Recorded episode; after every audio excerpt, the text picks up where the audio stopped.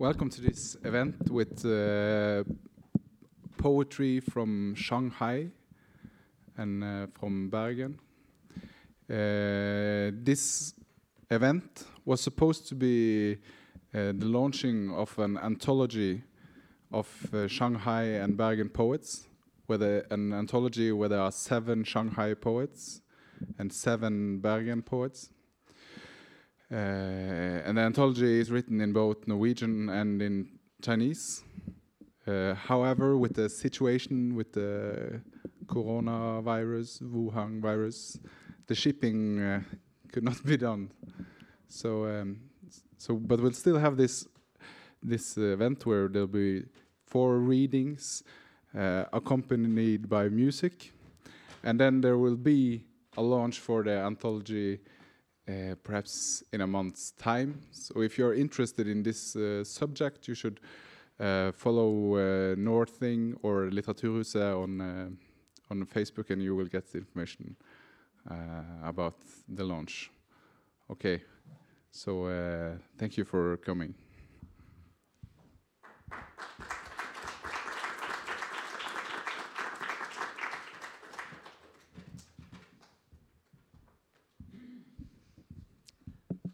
Hello, hello. Uh, my name is Christian Heggenes. I'm a local poet and author, and uh, I will. I'm participating in the anthology, and I will be reading from the collection called Urna Urn, uh, which was published in 2013. Uh,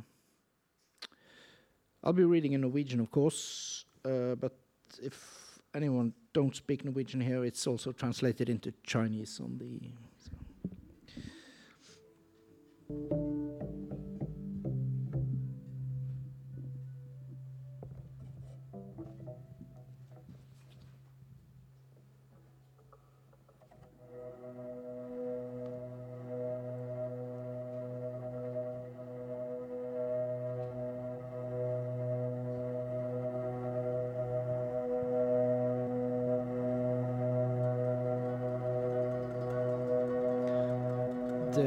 Første mennesket som skal begraves på Mars, går blant oss nå. Det aller siste mennesket som skal vaske kroppen din, er fremdeles ikke unnfanget. Jeg er stemmen som bærer deg fram.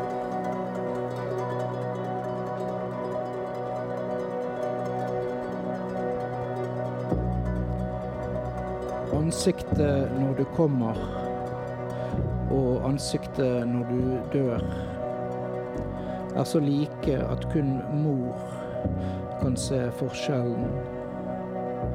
Men hun skal helst aldri se noen av dem.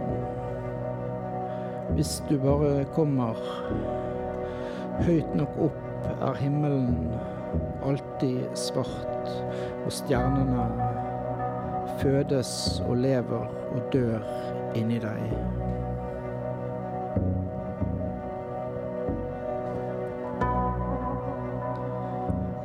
Du er et lite bløtdyr. Du bærer all min redsel inni deg hele tiden. Du har to hjerter som glir inn og ut av meg, og en kropp som kan forsvinne helt fra verden. Du har ingen egen hjerne, men kan ta kontroll over min så snart du ønsker det.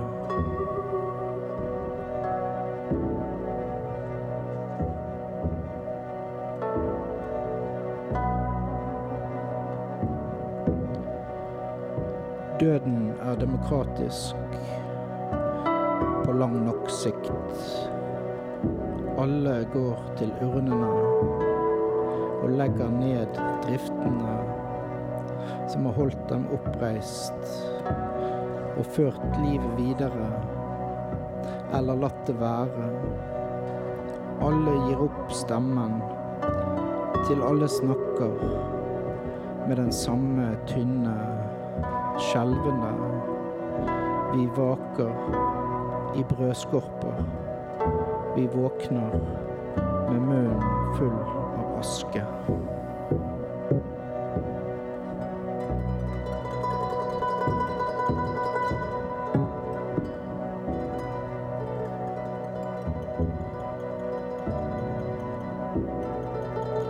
Lik Venus-passasjer som alltid opptrer parvis med åtte års mellomrom før det går over 100 år til neste par observeres, er det ofte slik at jeg ser deg to ganger den samme uken, for så ikke å se deg igjen på flere måneder.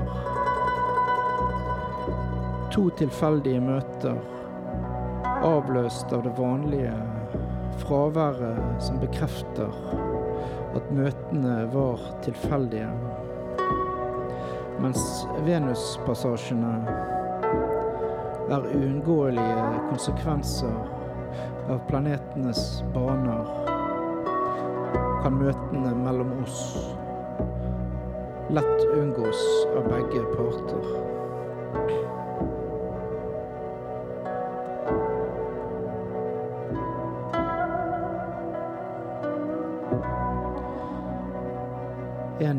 Kommer det snø ut av dusjhodet da jeg skal vaske av meg drømmene jeg har utsondret gjennom natten.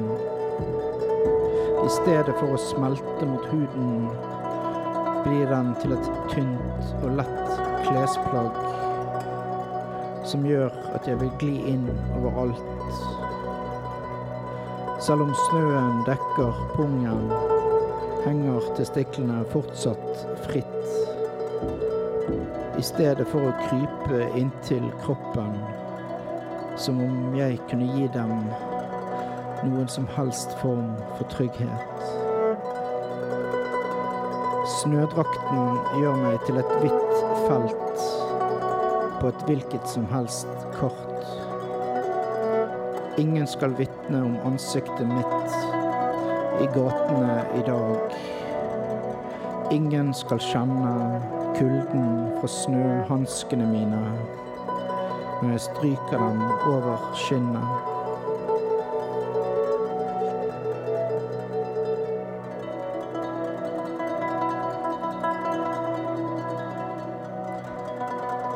Inni strupehodet mitt er det en liten skalle.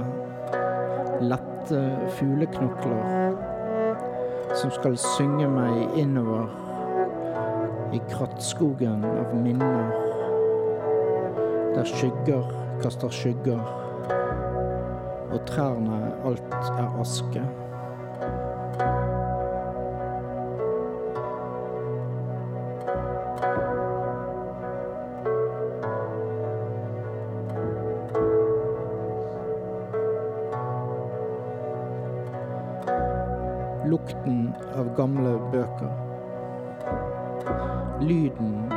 Av som åpnes for første gang på tiår. Skrift som leses av øyne som ikke fantes ennå. Sist boken var åpen. Jeg kjenner det i lysken når et hårstrå som er falt fra øyebrynet ditt treffer papiret utkanten av diktet.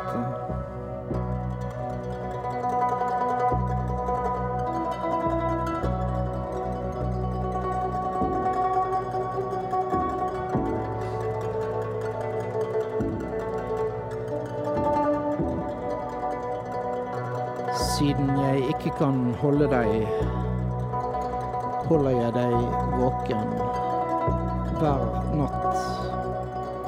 Løper jeg naken gjennom drømmene dine til du ikke lenger tør sovne. Linjene på magen din når du står opp, etter å ha vridd og vendt deg og krøllet opp lakenet, er et kart over en by der det ikke bor andre enn meg.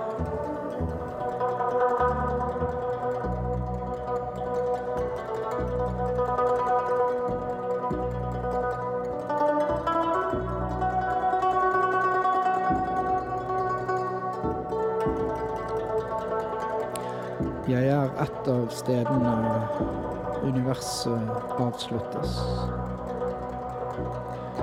Alt som har sirkulert i meg, skal renne ut av tiden mot et absolutt nullpunkt. Alt som var meg, vil fortsatt eksistere helt uten noe minne om å ha vært meg, eller å ha lengtet etter deg. Atomer som har vært del av meg, vil dukke opp i organer i dine etterkommere.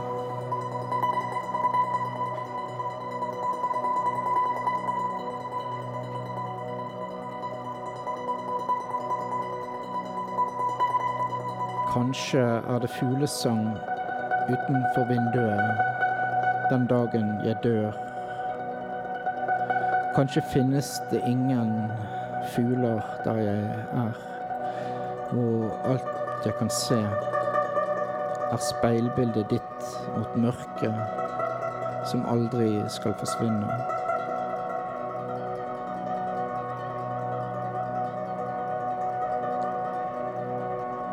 Tanken på at jeg skal dø mens verden vil fortsette, graver ut sjakter i meg der jeg kan kjenne testiklene vandre opp og ned som tomme heiser i en rivningsklar skyskraper.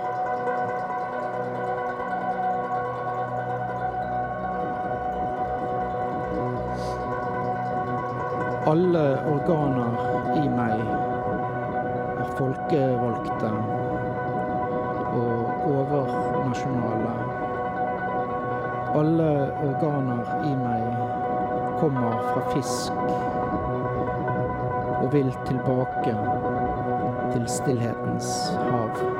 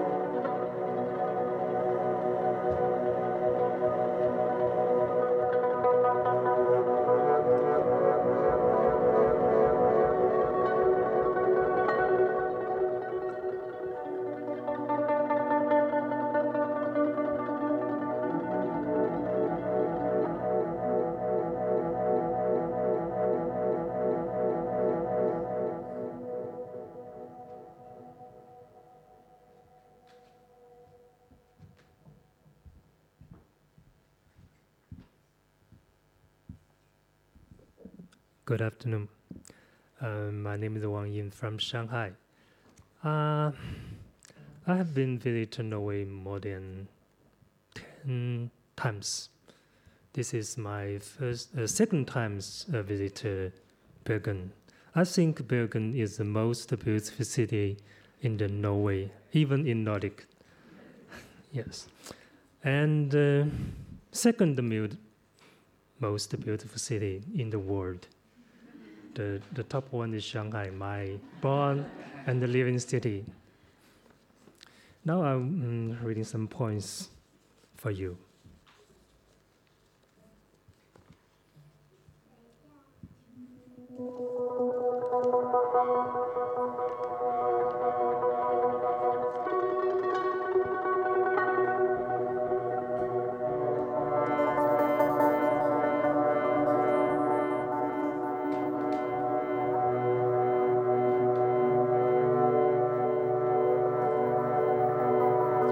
没有爱情的日子，没有爱情的日子，我躺在无帆的桅杆下，我的身边坐满我的祖先，若有所思的灰色大海，缓缓注满透明的杯子。昏睡的我漂泊在海鸟的寂静中，无用的诗歌紧握着松软的石头。冬天的伤口为柔弱的玫瑰所缝补，疲倦的手指贴近临水的星辰，袖中的风暴犹如感伤的水银。没有爱情的日子，我躺在无帆的桅杆下，遥远的幸福像一把尖刀，无休止的割着我的脚跟。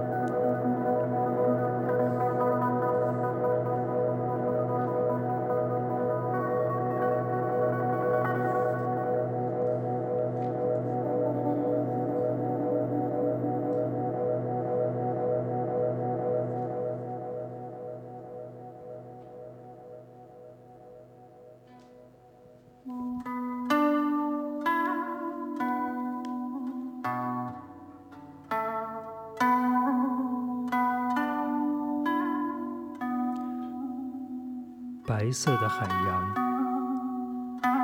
白色的海洋穿过黎明的医院，裸露的玻璃上有余温。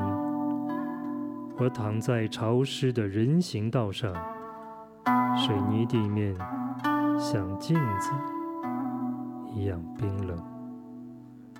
城市在我的脊柱之下无声无息地运行。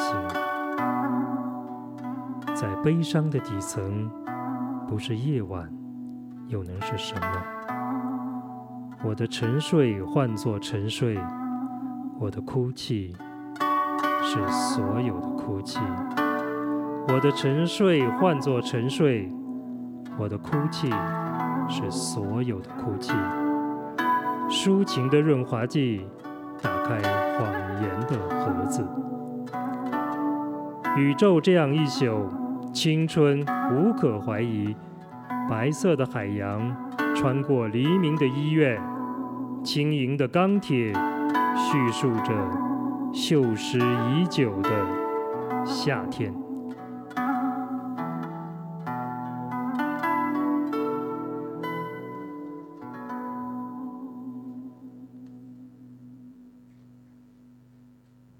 呃，this photo，呃。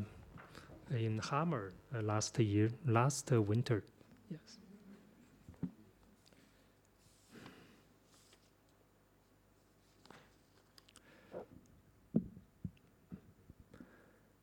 ngũ sơ chiêu yang chuyên sơ lưu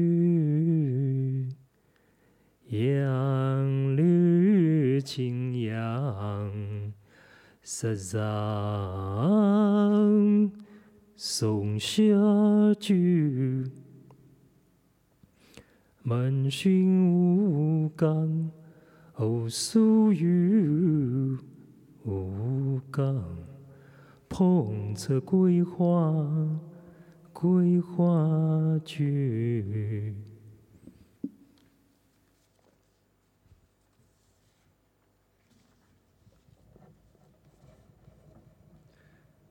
北方的海边生长着三棵松树。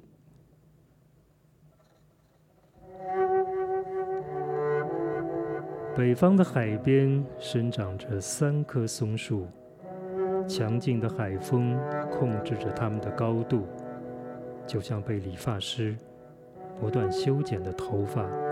横向生长的松树有着扁扁的树冠，堤岸。海洋灯塔，海岸线上只有三棵低矮的松树。这寒冷地带的树木，在幽暗的树枝上结着硕大的松果。高跟鞋的后跟在沙滩上刻下深深的足印。夏天的男孩在树下甩出鱼钩，缺了鱼头的死鱼和冲上岸的贝壳。再也无法回到海里。我不知道北方海边的这三棵松树在冬天的时候会是什么样子，贝壳会不会继续在沙滩上死去？灰色的海浪会不会一直拍打到松树的脚下？我只知道我在遥远的东方梦着我的爱情。也许某一天。低头的时候，我会突然想起这三棵松树，在布列塔尼荒凉。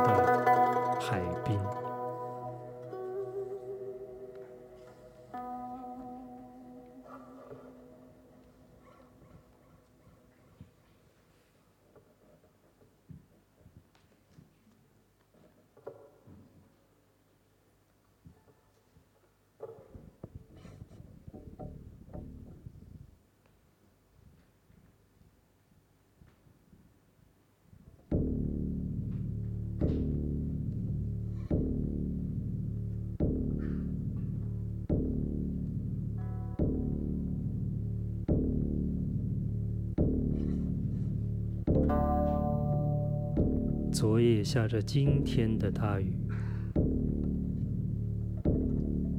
昨夜下着今天的大雨，冰冷的天赋一样美丽。城市此刻隐含着悲伤，琴匣里留下了玻璃的灰烬。飞艇的命名一再延迟，我依然不知道。声音的颜色，一定要走到世界的尽头，天使的泪水才会模糊了大海。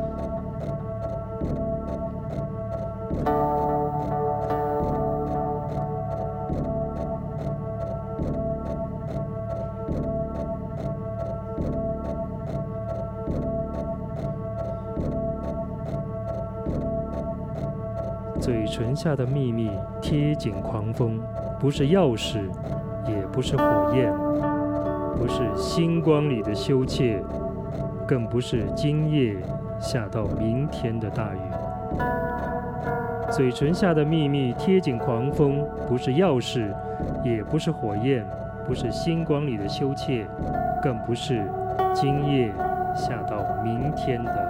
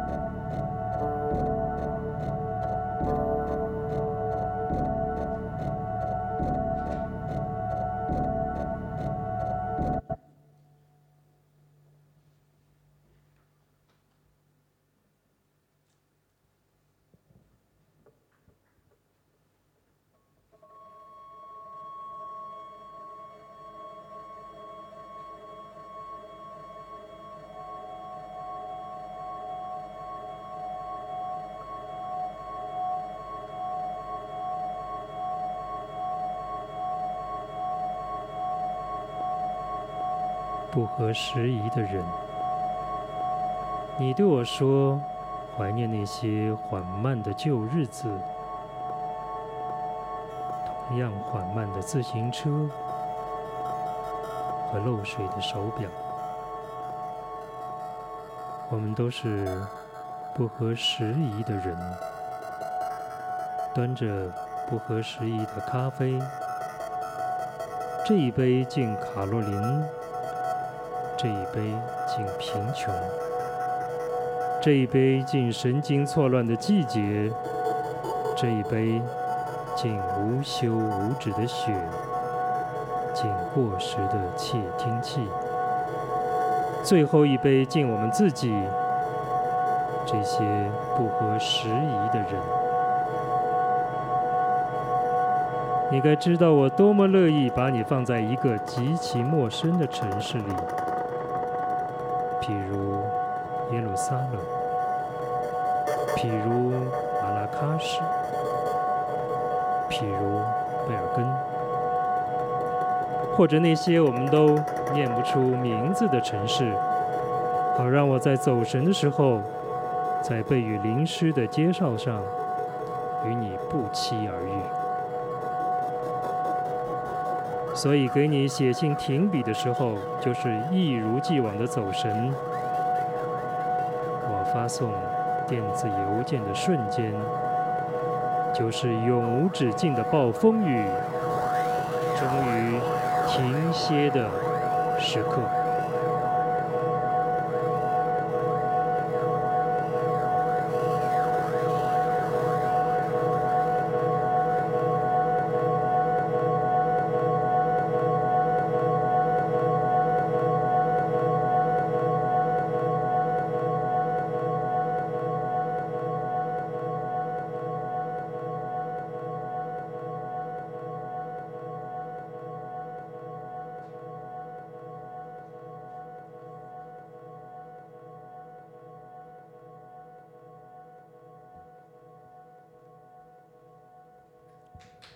Thank you, music.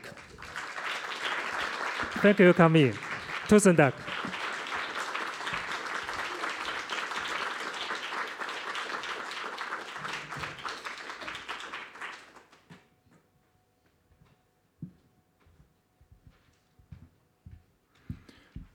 Good morning again. I'm not sure if I should do this in English, but I'll do it. My name is um, Fredrik Hagen and I'll be reading from my uh, my book, which was published uh, last year, which is called Han ligner en måte å sove på, which is in English is he seems like a way to sleep, and it's about youth and closeness, uh, and it would be the pictures that will accompany me is taken by the American photographer Nan Golding from her collection or her book uh, called The Ballad of Sexual Dependency.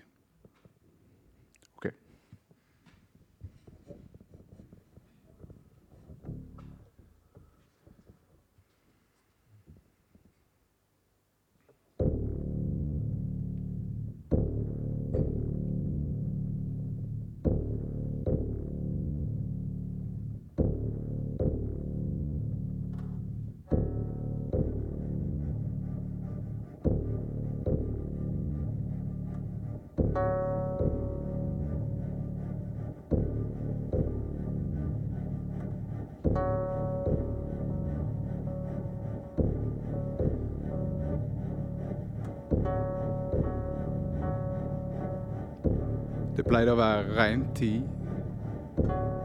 De store keramikkpottene som sto ute i hagen.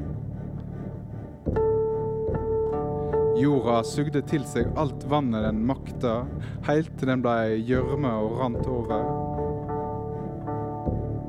Den svarte jorda på mor mis hvite hender når hun tømte den. Vi lærte å være helt stille. Hele tida blei vi minna på at fedrene sov.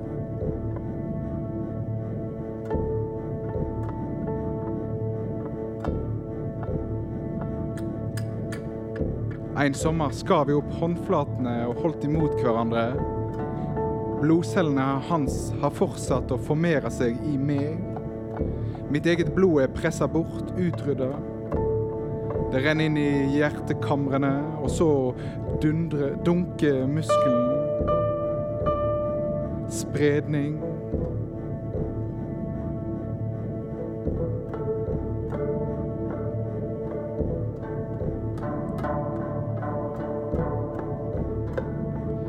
I en annen versjon av fortellingen ble verden skapt av et ondt vesen. Verden er ufullkommen. Det levende er dømt til å lide og i forlengelse lengte tilbake til å ikke eksistere.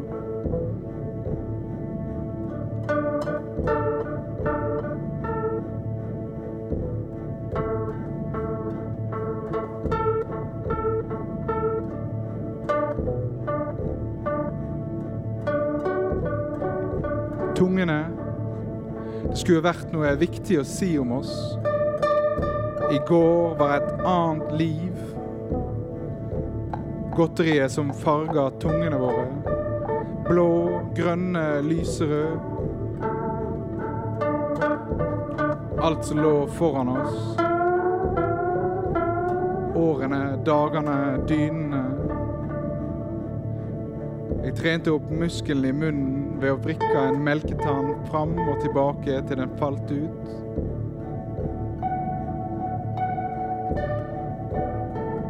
I drømmene svelger jeg hans tunge. Nettene, nettene, de sovende kroppene våre konkurrerte om å slipe ned tennene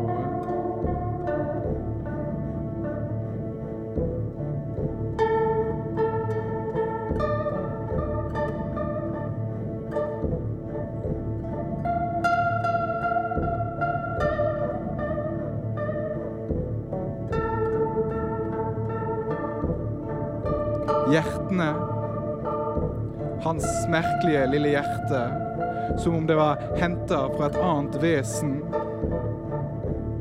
Egentlig ligner han ikke seg sjøl andre ganger enn når han sov. Fortell meg f.eks. at hvert hjerteslag betyr noe. Fortell meg f.eks. at hjertet kan kalles blødende, ikke kan kalles blødende, men siklende. Fortell meg f.eks. at han alltid ville ha meg nær fordi han trengte meg.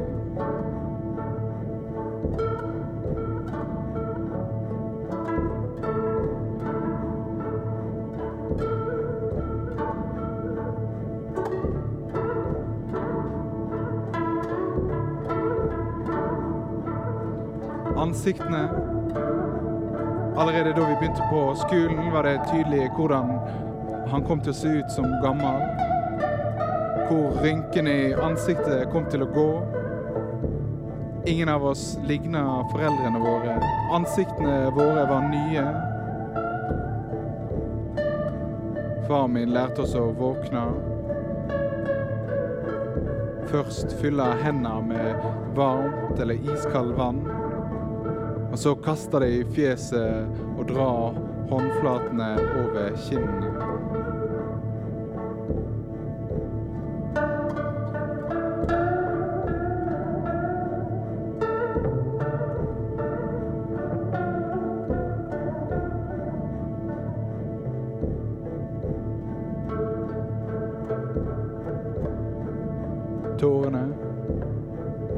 Kroppene våre blei andre enn vi hadde forestilt oss.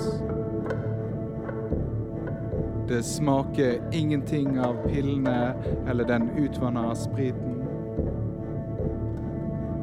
Om nettene dansa vi til det blei oppdaga blod på leppene våre.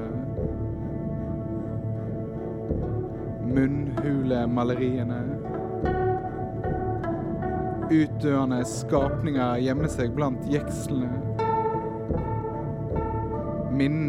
uten lyd. Jeg husker han stille. Det hender jeg griner, fanger tårene med tunga og knuser de mot garn.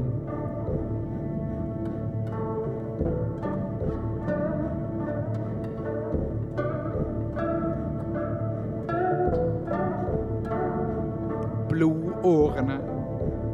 Så ustoppelig håret hans vokste lenger for hver eneste dag. De bleike armene og de tydelig blå årene. Vi visste akkurat hvor vi skulle stikke sprøytene om det kom til det. Foreldrene våre som insisterte at vi måtte komme fra noen andre. Samla all tyngden sin på én plass i meg.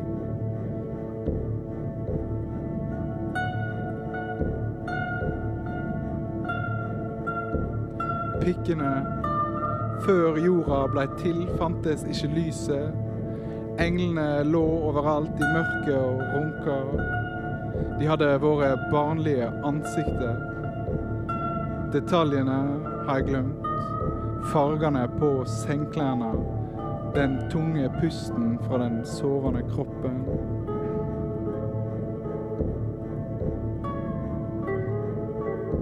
Knokene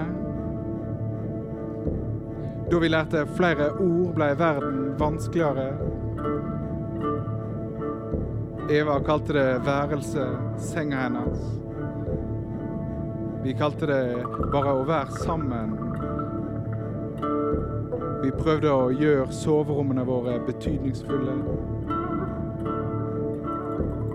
Ansiktene våre overalt på veggene. Vi skrudde gamle høgtalere og hyller på veggene.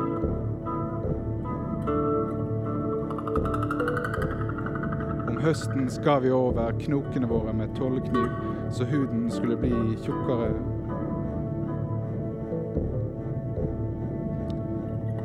Vi ville begrave så nær hverandre at det ble umulig å skille knoklene våre.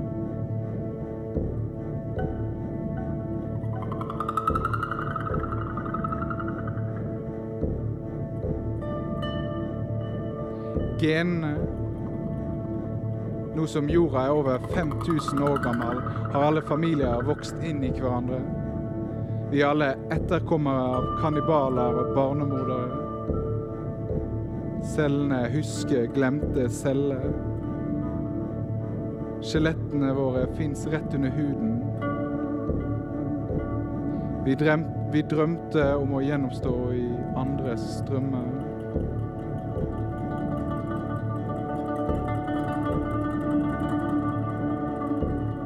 føttene. I fremtiden skal det finnes helt nye føtter som tråkker på helt nye typer snegler. Nye typer vær, røde himler.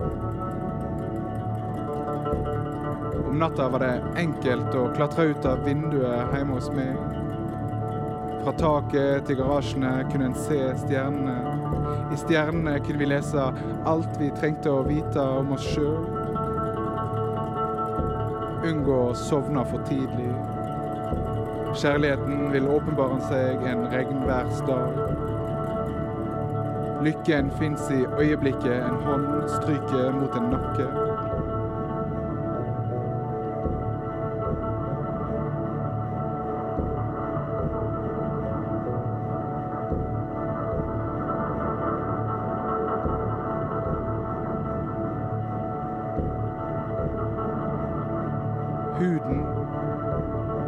Ytterste hudlaget faller alltid av, som en, om en hele tida nærmer seg den egentlige innerste kroppen.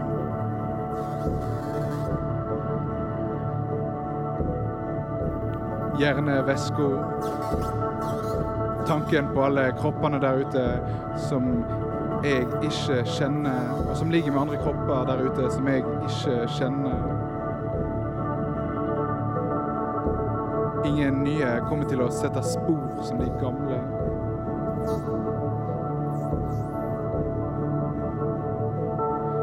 Frykten for at den aldri kommer så nær noen igjen. Hver eneste gang jeg husker noen, lages bildene på nytt i hjerneveska. Fortiden fins ikke. Dette fins. En fornemmelse av hans lukt og betydning.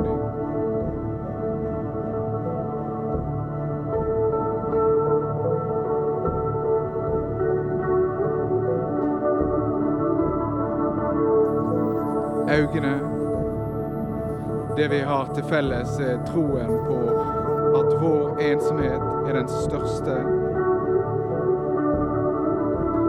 Om det bare var mulig å huske seg til en annen fortid.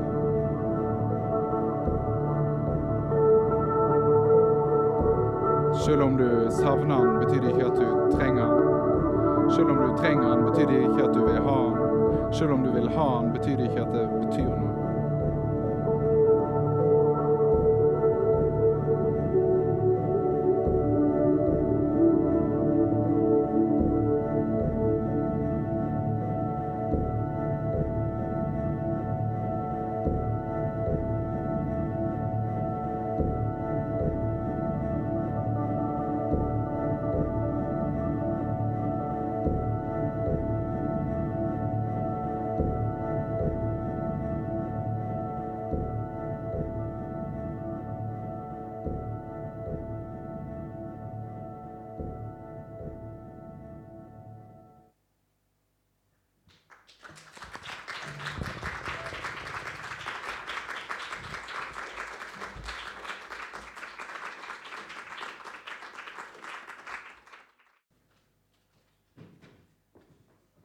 Hello, everyone.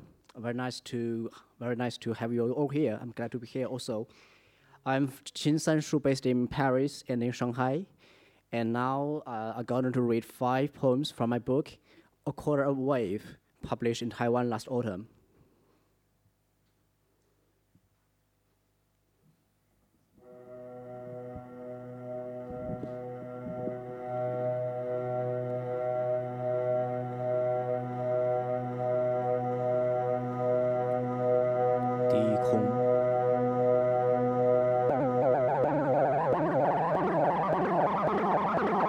更高，是失去海拔的夜空，是距离。从按门铃的指尖，压住深陷于食物的发烫的勺。是让人担忧的餐具散出冷光，把双份的病症搅拌进树叶后，咳喘着向我们举步的雪地里。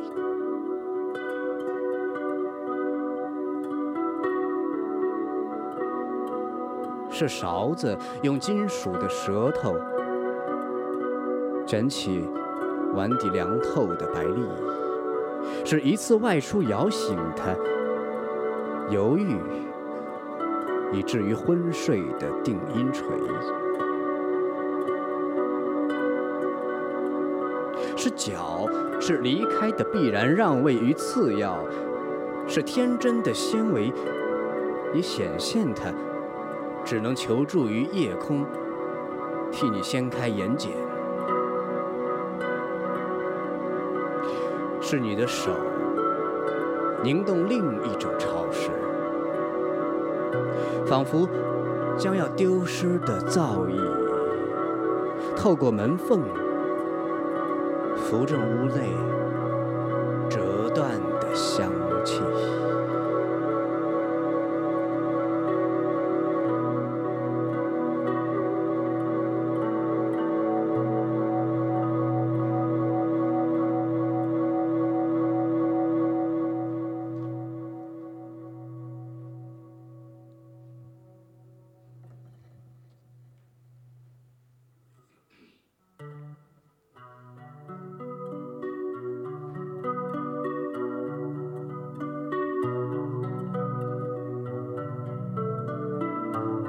照片，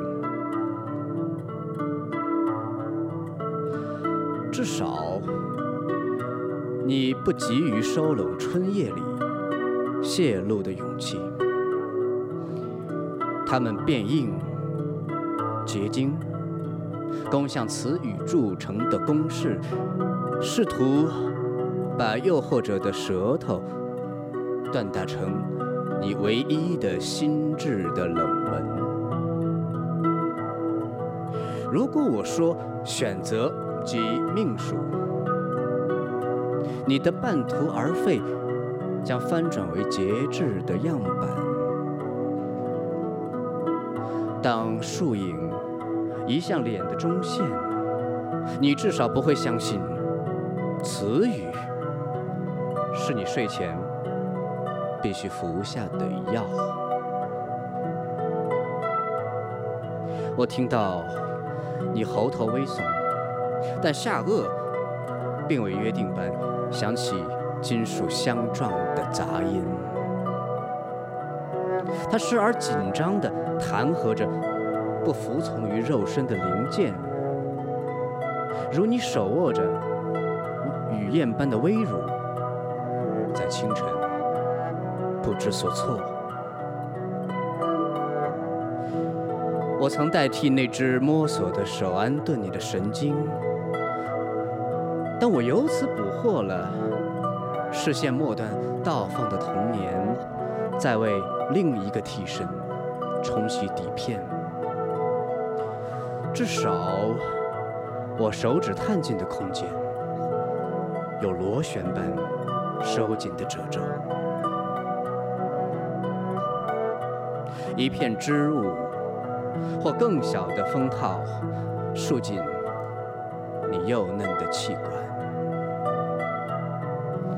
黑夜，一扇旋转的门播撒光，但事物的斑痕夸张着被皮肤记忆的不可逆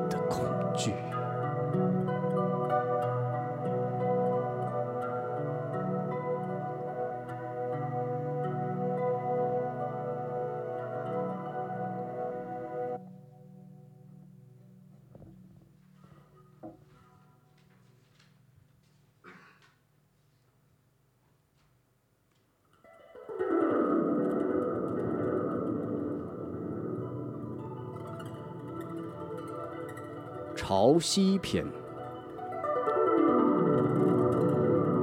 滑动的声音像打拳，舌根跃起之际，预警着涌浪冲刷你身体的边境。试探你秀色的海底磨亮自己，迎接久未挪动的肉。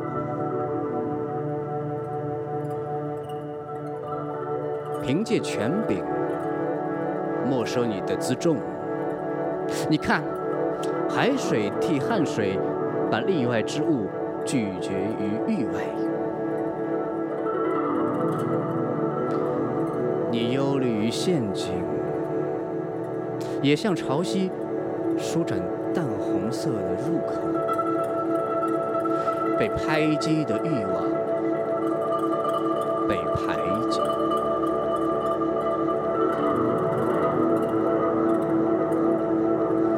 次往返，呼喊挤压着浪尖彼此追尾的听不见的震颤，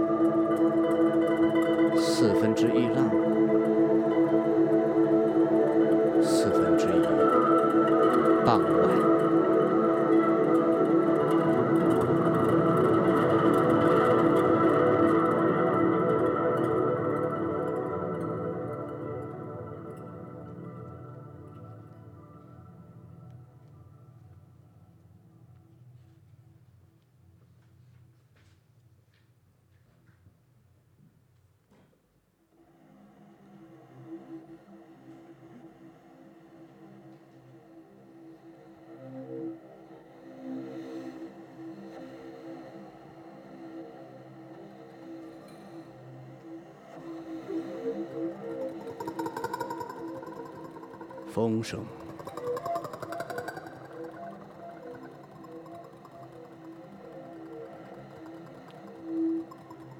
是你。风踩踏过雨的阶级，又像骑行，用同一只脚夹紧手风琴那沉着的肺。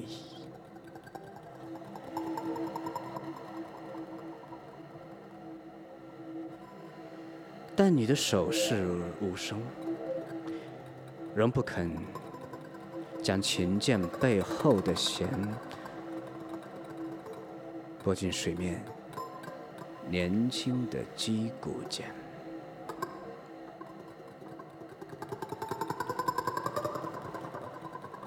错误的解体被吸进午夜之嘴，你轻薄如潮水的身躯正填满一道肉的阀门。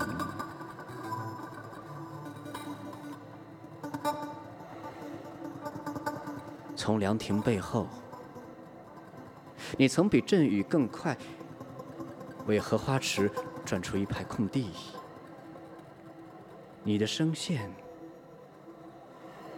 有银钩般的用途，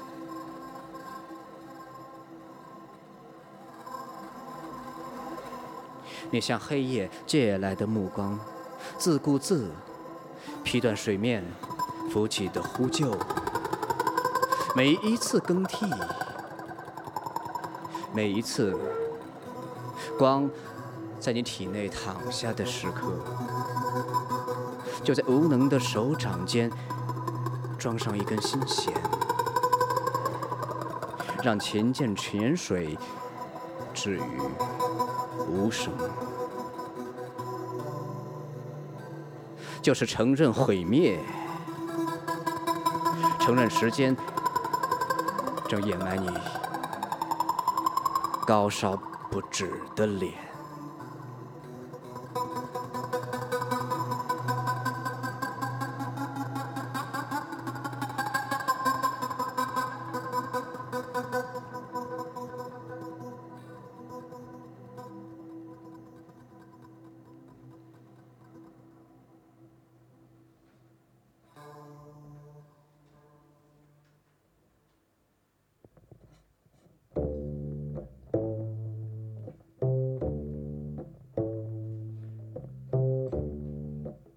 谁照旧埋着头？谁破坏着气氛？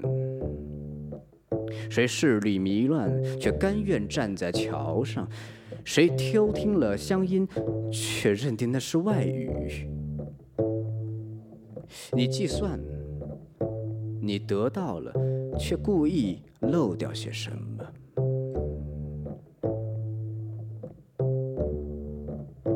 就像你的位置被景色挪动，气候会随时提醒你，它把边缘投放到哪儿。如果上一轮环节你在场却没领悟可观的价值，现在不妨把自己透明化。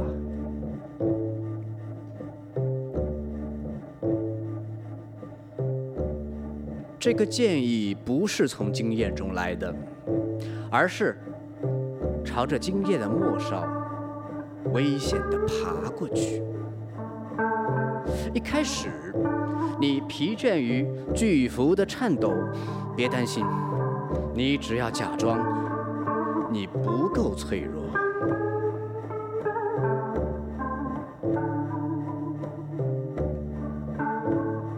睁眼时。你心痛于塞纳河的塑料颜料盘不经意的崩溃，蓝色染了霉菌，金粉银箔也被鱼嘴拱得不像样。你感叹，听力真是一套繁琐的手续。显然，这是透过感官比较学的角度。这也导致你错失了恢复的黄金期。从侧面袭击的声音，猛烈到像喇叭探进体内，用原声朗诵你的错误。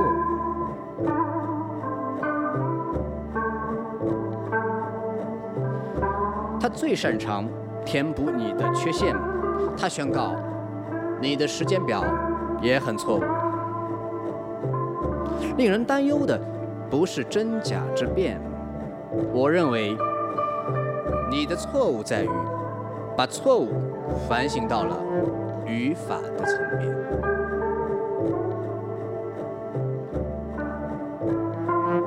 是时候恢复你的眩晕，以制服眩晕，让它适应视力的环线。是时候再一次将景致内部化。最简便的操作，莫过于把喇叭口移至对外，继续播放。另外，请保持一种模仿性的距离，离人群既远又近。理想状态并不等于理想的状态。每当你询问万古愁，一切答案都像跟自己赌气。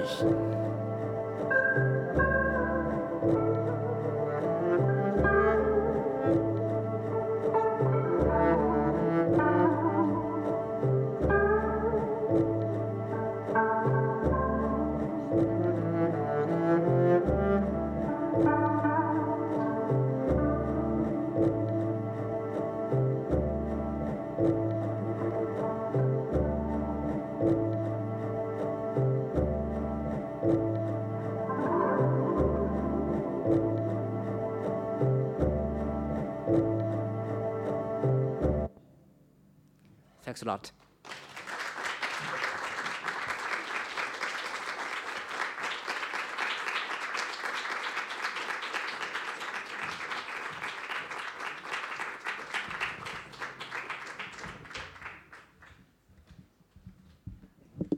Okay, we're at the end uh, of this event now. I just wanted to thank the musicians for uh, playing with us.